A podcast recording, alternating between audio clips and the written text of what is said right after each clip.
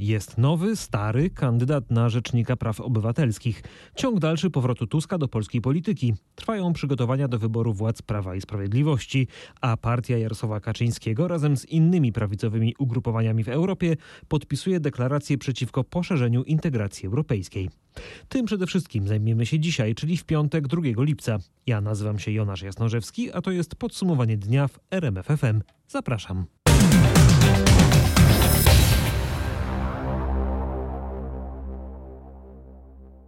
Prawo i Sprawiedliwość zgłasza profesora Marcina Wiącka jako własnego kandydata na Rzecznika Praw Obywatelskich. Wiącka zgłasza też Polskie Stronnictwo Ludowe i tak, to jest ten sam kandydat, którego w poprzedniej turze wyborów Rzecznika zgłosiła opozycja i który nie został zaakceptowany przez Sejm głosami posłów PiS którzy wtedy poparli kandydaturę senator Lidii Staroń. Ta z kolei przepadła wtedy w głosowaniu w Senacie. O to, co skłoniło PiS do zmiany zdania w sprawie Wiązka, pytał nasz reporter Roch Kowalski. Kierownictwo PiSu tłumaczy, że wybór następcy Bodnara trwał już zdecydowanie zbyt długo, a Wiącek wykazał się bezstronnością i wysoką kulturą. Przekonał nas jednak swoją postawą. Po przegranej z panią Staroń zachował się z klasą. Radości nie ukrywa też opozycja, mówi Robert Kropiwnicki z PO. Polacy potrzebują rzecznika praw obywatelskich, a nie rzecznika praw polityków i myślę, że profesor Wiącek daje taką rekomendację. Tym razem pod jego kandydaturą podpisali się politycy ze wszystkich klubów, choć z inicjatywy ludowców.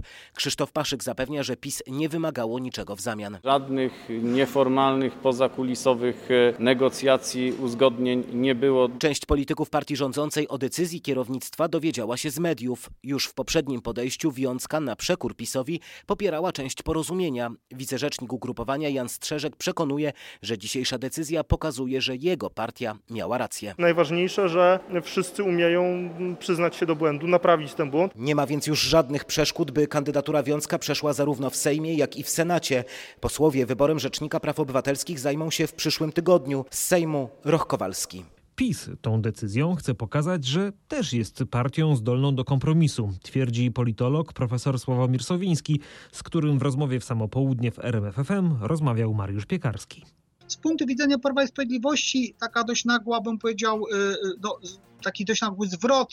Myślę, że w tej sprawie po, pier po, pierwsze związane jest z tym kongresem, który ma się odbyć jutro, z tym kongresem, na który Prawo i Sprawiedliwość bardzo liczyło, bo to miał być taki kongres pokazujący siłę, zwartość, taką energię tej, tej partii, takie nowe jej polityczne otwarcie. To już widzimy wyraźnie, nie bardzo się udaje, bo i Polski Ład, że tak powiem, nie spotkał się z jakimś takim entuzjastycznym przyjęciem w sondażach i PiS ma cały szereg innych problemów, o których codziennie mówimy i myślę, że dzisiaj to jest taki sygnał, my też jesteśmy konsyliarni, my też jesteśmy otwarci, my też y, myślimy o państwie w sposób ponadpartyjny ze strony, ze strony PiSu.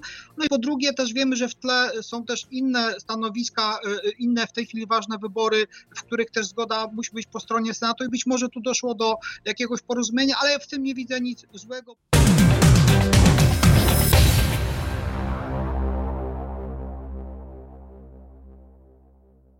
Piątek upłynął też pod znakiem kolejnej tury rozmów między Donaldem Tuskiem, Borysem Budką i Rafałem Trzaskowskim. W czwartek politycy mieli ustalić zasady, na jakich były premier wróci do polskiej polityki, ale spotkanie nie przyniosło rozstrzygnięcia, więc rozmowy kontynuowano w piątek. Ich efektem mają być nowe role i same pozytywne scenariusze w sobotę. Tak przynajmniej zapewnia przewodniczący PO Borys Budka. Jutro jest zaprezentowany przeze mnie jako przewodniczącego Platformy konkretny scenariusz. Na razie przedstawiłem go prezydium, rozszerzonemu prezydium e, zarządu Platformy. Jutro przedstawiam go zarządowi Platformy. To jest mój autorski scenariusz w porozumieniu z przewodniczącym Tuskiem, włączający bardzo mocno Donalda Tuska do krajowej polityki i myślę, że jutro dużo pozytywnych rzeczy się wydarzy. A jak dla Platformy wypada ten toczący się już od jakiegoś czasu miniserial pod tytułem Powrót Tuska? Bardzo dla Platformy niekorzystnie. Partia wróciła wprawdzie na pierwsze strony gazet, ale głównie jako ugrupowanie kolejny raz poświęcające całą energię na swoje wewnętrzne problemy, które samo sobie stwarza i podzielone na frakcję młodych działaczy Trzaskowskiego i odsuniętych ostatnio w cień starych współpracowników Tuska. Trudno też ukryć, że powrót byłego lidera oznacza dla partii spacyfikowanie jej obecnego przewodniczącego Budki i dwójki z czworga wiceprzewodniczących przewodniczących. Ewy Kopacz, która miałaby zwolnić miejsce dla Tuska i Rafała Trzaskowskiego. W skrócie chodzi więc o wymianę trzech piątych ścisłych władz Platformy tylko dlatego, że chce tak Donald Tusk. Brak zgody na te mgliste jak na razie plany grozi z kolei pilnymi wewnętrznymi wyborami, czyli konfrontacją Tuska z Trzaskowskim w sporze o przywództwo. A to znowu byłoby zajmowaniem się problemami wewnętrznymi partii, a nie kraju. To analiza Tomasza Skorego. Z kolei profesor Sławomir Sowiński jest zdania, że opozycja potrzebuje dziś dyrygenta, który ułoży w harmonię różne głosy. A gdyby liderem Platformy Obywatelskiej został Rafał Trzaskowski, skończyłoby się to kakofonią i opozycja y, potrzebuje takiego dyrygenta, który różne chóry, które tam muszą grać, prawda, ułoży w pewną orkiestrę, orkiestrę, która no, być może nie stworzy symfonii, ale przynajmniej nie będzie się zagłuszała, prawda. Kiedy to się może pojawić, ten efekt, ja bym powiedział, takiej synergii, czy takiej, takiego wspólnego koncertu po stronie opozycji, rozpisanego na różne głosy, no kiedy się pojawi jakiś dyrygent, czyli jakiś jeden polityk, co do którego będzie wiadomo, że on jest dzisiaj najsilniejszy, najważniejszy, nikt nie będzie miał co do tego wątpliwości. No, pytanie tylko, czy na opozycji e, wejście Tuska spowodowałoby, że wszyscy uznaliby, że to jest ten dyrygent, jak pan mówi, to jest ten znaczy, mąż opatrznościowy dla opozycji do czasów wyborów. I to nie jest kwestia bycia mężem opatrznościowym, tylko to jest kwestia pewnego potencjału politycznego. Ja myślę, że z całym szacunkiem dla, dla Rafała Trzaskowskiego, to on dzisiaj nie byłby chyba jeszcze takim partnerem dla Szymona Hołowni, dla Władysława Kośniaka-Kamysza, czy, czy dla e, Włodzimierza Czarzastego, prawda, który mógłby im e, jakby zaproponować e, właśnie jako pewien dyrygent, prawda, e, jakieś, jakiś wspólny scenariusz. Natomiast Donald Tusk, mówiąc tak kolokwialnie, ma na to y, y, y, papiery.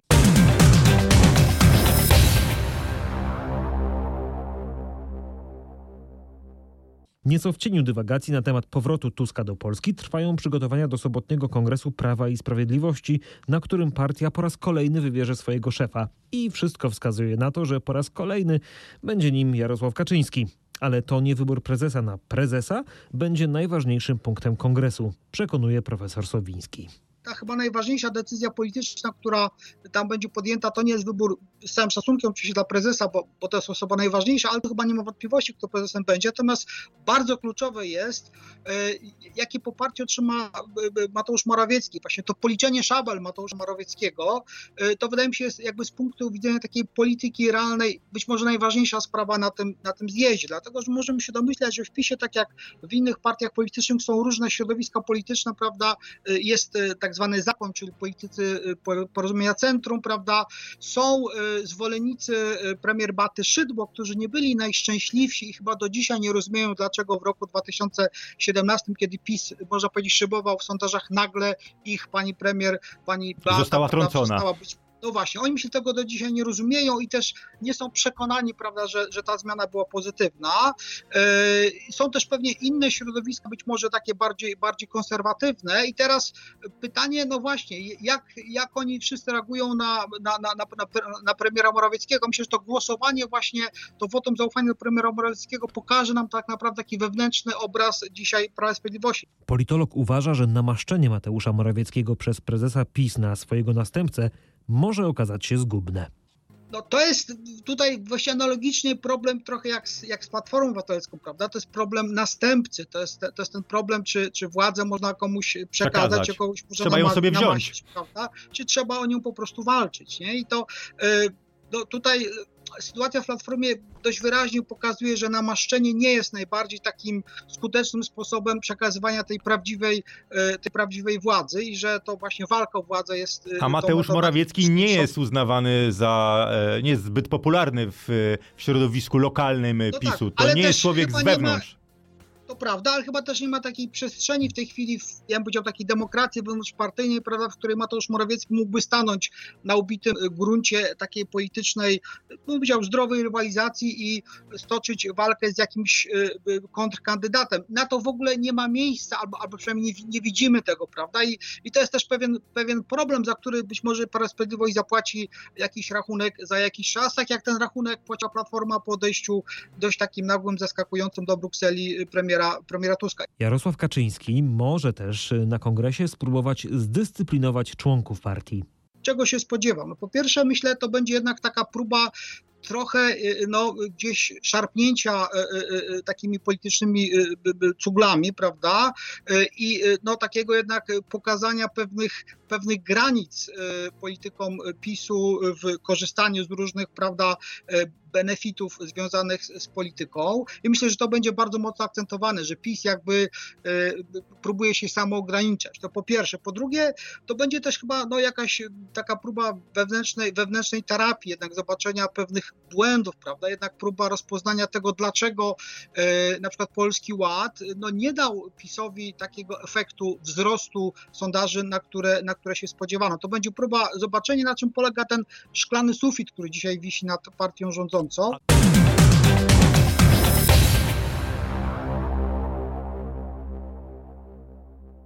Kongres Prawa i Sprawiedliwości jutro, a dziś Europejska Prawica przyjęła wspólną deklarację przeciwko poszerzaniu integracji europejskiej i zmianom obyczajowym w ramach wspólnoty. Dokument, który jednocześnie w różnych miastach Europy podpisali liderzy kilku partii, podpisał też prezes PiS. Tego rodzaju przedsięwzięcie będzie wsparciem dla wszystkich, którzy chcą zachować tradycję europejską, taką jak rozumieli ją założyciele Unii.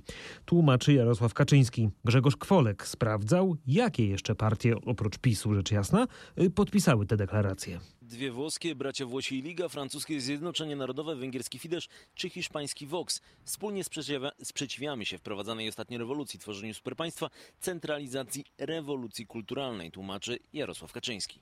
My tej rewolucji po prostu nie chcemy. Uważamy ją za przedsięwzięcie, które jak wszystkie tego rodzaju zamysły w dziejach Europy i świata przyniesie tylko bardzo wiele nieszczęść, a przede radykalne ograniczenie wolności. Jarosław Kaczyński tłumaczył też, jaki cel ma podpisanie dzisiejszej deklaracji. Z jednej strony ten dokument zawiera akceptację dla samej idei Unii Europejskiej, założeń, a także zawiera pochwałę sukcesów, które zostały odniesione, ale z drugiej strony przestrzega przed tymi wszystkimi zjawiskami, stawia na suwerenne narody, na przestrzeganie europejskiego prawa, na zaniechanie tej agresywnej inżynierii społecznej. Takie jest tutaj użyte oświadczenie. To jest dokument, który mówi Europejczykom, że jest inna opcja, inna możliwość, inna droga. Jednym z powodów podpisania dokumentu jest trwająca od kilku tygodni wielka debata na temat przyszłości Europy organizowana przez Komisję Europejską.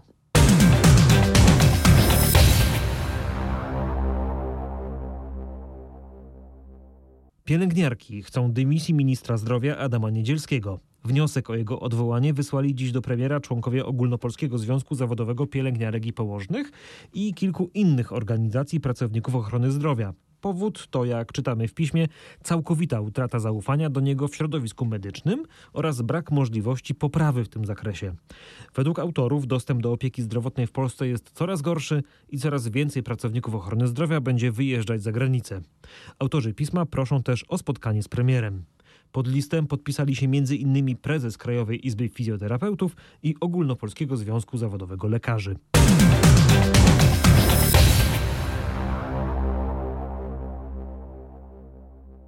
A problemy z dostępem do lekarza mają na pewno pacjenci w Rybniku, którzy nawet przez kilkanaście najbliższych tygodni będą musieli szukać pomocy w placówkach w innych miastach. Dyrekcja tamtejszego wojewódzkiego szpitala specjalistycznego poszukuje lekarzy, bo z powodu ich braku zawieszona została działalność czterech oddziałów w rybnickiej placówce. Anna Kropaczek sprawdzała, gdzie pacjenci z Rybnika znajdą pomoc. Dzieci, które wymagają hospitalizacji w oddziale pediatrii mogą zostać skierowane do Jastrzębia Zdroju, Wodzisławia Śląskiego, Raciborza czy Gliwic. Szpitale w tych miastach są oddalone o kilkanaście do około 30 kilometrów od Rybnika. Gorzej wygląda sytuacja w przypadku małych pacjentów z problemami laryngologicznymi. Oni muszą szukać pomocy na przykład w Katowicach, Chorzowie, Bytomiu czy Bielsku Białej. Dojazd z Rybnika zajmuje tam około godziny. Oprócz oddziałów dziecięcych zawieszona jest także działalność laryngologii dla dorosłych. Najbliżej takie oddziały są w Katowicach. Katowicach, Raciborzu i Gliwicach. W przypadku interny pomocy można szukać w szpitalach w miastach sąsiadujących z Rybnikiem. Najdłużej, bo aż do 31 października pacjentów nie będzie przyjmował oddział laryngologii dziecięcej. 60% z języka polskiego, 47% z matematyki i 66% z angielskiego. To wstępne wyniki tegorocznego uproszczonego z powodu pandemii egzaminu ósmoklasisty. A z czym uczniowie mieli największy problem? To wyjaśnia nasz reporter Grzegorz Kwolek, który rozmawiał z dyrektorem Centralnej Komisji Egzaminacyjnej, doktorem Marcinem Smolikiem. Z polskiego z zadaniami dotyczącymi kształcenia literackiego, czyli rozpoznawaniem rodzajów literackich takich jak epika. Z matematyki z zadaniem otwartym z geometrii. Z angielskiego trudne było zadanie sprawdzające znajomość środków językowych, a z niemieckiego test dotyczący funkcji językowych. W przypadku obu języków trudne było też zadanie polegające na napisaniu krótkiej rozprawki. Zdajemy sobie sprawę z tego, że uczniowie mogli nie opanować części materiału, przyznaje szef CKR. Pewne wymagania w kształceniu zostały najprawdopodobniej potraktowane no, inaczej niż w kształceniu e, przed e, epidemią, więc nauczyciele szkół ponadpodstawowych muszą gdzieś to mieć z tyłu głowy. Problemów uczniowie nie mieli z interpretacją tekstu kultury z polskiego, z analizą doświadczenia losowego i zadania z prawdopodobieństwa z matematyki. W zadaniach z języków nowożytnych najłatwiejsze były gramatyczne zadania zamknięte.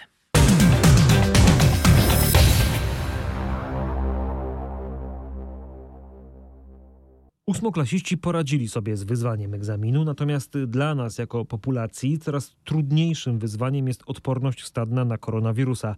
Tak twierdzą epidemiolodzy, z którymi rozmawiał nasz reporter Michał Dobrołowicz. Lekarze uważają, że aby taką odporność stadną osiągnąć, szczepionkę powinno dostać nawet 85% społeczeństwa. Dlaczego rośnie wymagana liczba zaszczepionych osób? Przez nowe, często bardziej zakaźne mutacje COVID-19 teraz w Polsce w pełni zaszczepionych jest ponad 13 milionów osób. Kolejne ponad 2,5 miliona to ozdrowieńcy, którzy nabrali odporności naturalnie po przechorowaniu, a to wciąż za mało na odporność stadną, podkreśla epidemiolog profesor Marcin Czech. Im bardziej groźny wirus, tym więcej osób powinno być zaszczepionych. Taka jest reguła, więc biegnijmy do punktów i się szczepmy. Przypomnę, że według najnowszego, wczorajszego stanowiska Europejskiej Agencji Leków szczepionki chronią także przed ciężkim przebiegiem zakażenia nową nową mutacją Delta COVID-19. A Podhalew wciąż jest w ogonie regionów naszego kraju pod względem liczby zaszczepionych osób. Powiaty nowotarski i tatrzańskie mają jedynie około 25% zaszczepionych mieszkańców. To jednak powoli się zmienia, donosi Maciej Pałachicki. Rzeczywiście zainteresowanie jest nieco większe. Jak do tej pory e, były rezerwacje na jeden dzień do przodu, to w tej chwili pojawiły się nawet na dwa dni do przodu. No, można to uznać za sukces, a jak mówi e, Jerzy Toczek, e, koordynator szczepień w Zakopanem, pojawiło się coś jakby światełko w tunelu. Może jakaś gwiazdka się pojawia, dlatego że mm, pacjenci, którzy do tej pory się nie szczepili, a którzy przyjmują gości, zaczynają do nas coraz liczniej, chociaż to nie jest zbyt dużo, ale coraz liczniej przychodzić po to, żeby się zaszczepić, ponieważ, jak mówią goście, którzy do nich przyjeżdżają, pytają o te szczepienia. Więc to jest może taki impuls dla nich, żeby pomyśleć o tych szczepieniach. Natomiast na pewno nie jest to masowa e, kwestia. No i teraz pytanie, bo jeżeli to nie jest masowe zjawisko, to co robią władze choćby Zakopanego, miejscowości typowo turystycznej, by mieszkańcy chętniej się szczepili? No, urzędnicy twierdzą, że robią e, bardzo dużo, ciągle zachęcają, e, ciągle propagują, no chociaż e, może to, że w Zakopanem są tylko dwa punkty do szczepień, jakby nie przemawia za tymi argumentami, ale odbyły się już dwa plenerowe, masowe mm, akcje szczepienia, teraz w sierpniu ma odbyć się trzecia. No i jak twierdzi Anna Karpiel-Semberecka z Urzędu Miasta w Zakopanem w samym mieście nie jest już tak źle z tymi szczepieniami. Zakopany myślę, że może się już pochwalić dość dobrymi statystykami. Nigdy oczywiście tych, tych działań zachęt dla mieszkańców nie jest zbyt wiele, ale już teraz 30% mieszkańców jest y, zaszczepione dwoma dawkami, natomiast 40% y, blisko zaszczepione jest przynajmniej jedną dawką. Biorąc pod uwagę, że część osób jeszcze przechorowała, jest ozdrowieńcami, to myślę, że ta odporność zbiorowa jest na całkiem niezłym poziomie już. Za to minister zdrowia Adam Niedzielski powiedział dziś na konferencji prasowej, że najprawdopodobniej od września ruszą szczepienia w szkołach, a już teraz y, szczepionki są dostępne praktycznie od ręki i czekają na wszystkich chętnych, którzy tylko chcą się zaszczepić. We wrześniu najprawdopodobniej rozpoczniemy akcję w szkołach szczepienia. E, co też ma e, pozwolić na to, żeby po prostu ten proces szczepienia przebiegł wygodnie. Niemniej jednak namawiam, żeby teraz w okresie letnim, szczególnie właśnie ze względu na e, swobodę podróżowania czy przemieszczania się między krajami, już to szczepienie wykonać. Ono jest możliwe w dowolnym punkcie w kraju. Te zapisy są w tej chwili z dnia na dzień. A COVID-19 nie zwalnia tempa, na przykład w Rosji, w której odnotowano rekordową liczbę ofiar śmiertelnych koronawirusa. Ostatniej doby zmarło tam 679 osób, najwięcej od początku pandemii. W sumie odnotowano 23 218 nowych zakażeń. Przyjmujemy wciąż młodszych pacjentów w wieku od 25 do 50 lat. Infekcja przebiega u nich znacznie ciężej niż w czasie ostatnich dwóch fal. Mówił lekarz jednego z rosyjskich szpitali Aleksiej Dmitriew. Nadal najwięcej infekcji wykrywanych jest w Moskwie. W rosyjskiej stolicy zaczyna brakować rezerwowych szpitali. Za gwałtownym wzrostem zachorowań ma stać wariant Delta.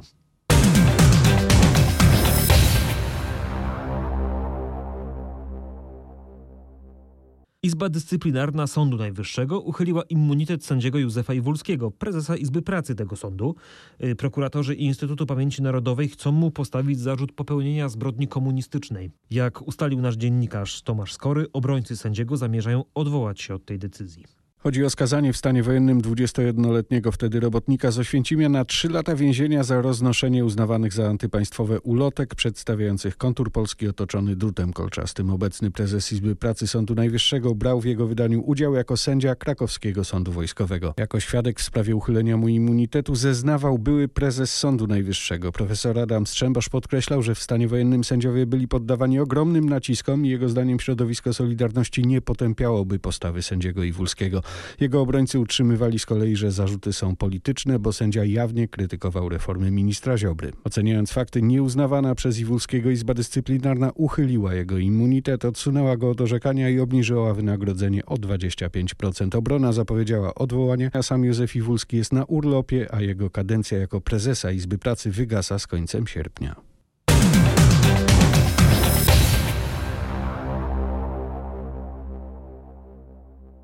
Polska zgłosiła gotowość wysłania na Litwę strażników granicznych, informuje nasz reporter Krzysztof Zasada. Nasi sąsiedzi walczą z rosnącą falą nielegalnych imigrantów, przedostających się przez zieloną granicę z Białorusi na Litwę. Minionej doby litewskie służby zatrzymały aż 150 cudzoziemców. To największa grupa zatrzymana w historii tamtejszych pograniczników. Tym razem chodzi głównie o obywateli Iraku, Syrii i Afganistanu. Znacząca ich większość wystąpiła o status uchodźcy. Na razie trafili do zamkniętego ośrodka, w którym przejdą testy na COVID. Od początku roku Litwa zmaga się z problemem nielegalnej migracji. Są podejrzenia, że ta sytuacja jest kontrolowana przez władze w Mińsku. Od stycznia do dziś na Litwę dostało się ponad 800 nielegalnych imigrantów, a to 10 razy więcej niż przez cały zeszły rok. A jaką dokładnie pomoc zaoferowaliśmy? To 25 strażników oraz samochody ze sprzętem do ochrony granic. Gotowość zgłosiliśmy do Frontexu, czyli Europejskiej Agencji Straży Granicznej. Na razie nie ma decyzji o wykorzystaniu polskich funkcjonariuszy. Litewska Straż Graniczna wystąpiła też do rządu o wprowadzenie w kraju stanu wyjątkowego w związku z napływem uchodźców.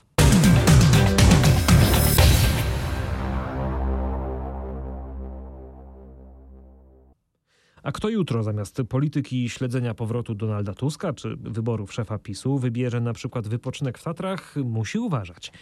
Mimo lata natkniemy się na śnieg, a warunki do wędrówek mogą być trudne. Wszystkie zacienione miejsca, żleby powyżej 1800 metrów w Tatrach możemy się spotkać z takimi warunkami, gdzie będziemy musieli przekroczyć bądź przejść jakiś dłuższy fragment po śniegu. No jest to sytuacja, która z reguły się zdarza u nas w maju, ale przez to, że mieliśmy maj, że tak powiem, taki zimowy i bardzo dużo śniegu jednak w maju spadło, no to to się wszystko przesunęło. Na najbliższy weekend mamy dalej opady, jest dalej okres burzowy, jest, mogą się te zjawiska pojawiać. No może trzeba będzie troszeczkę niżej pochodzić, także z głową, z głową. A to radzi ratownik dyżurny TOPR Grzegorz Kubicki.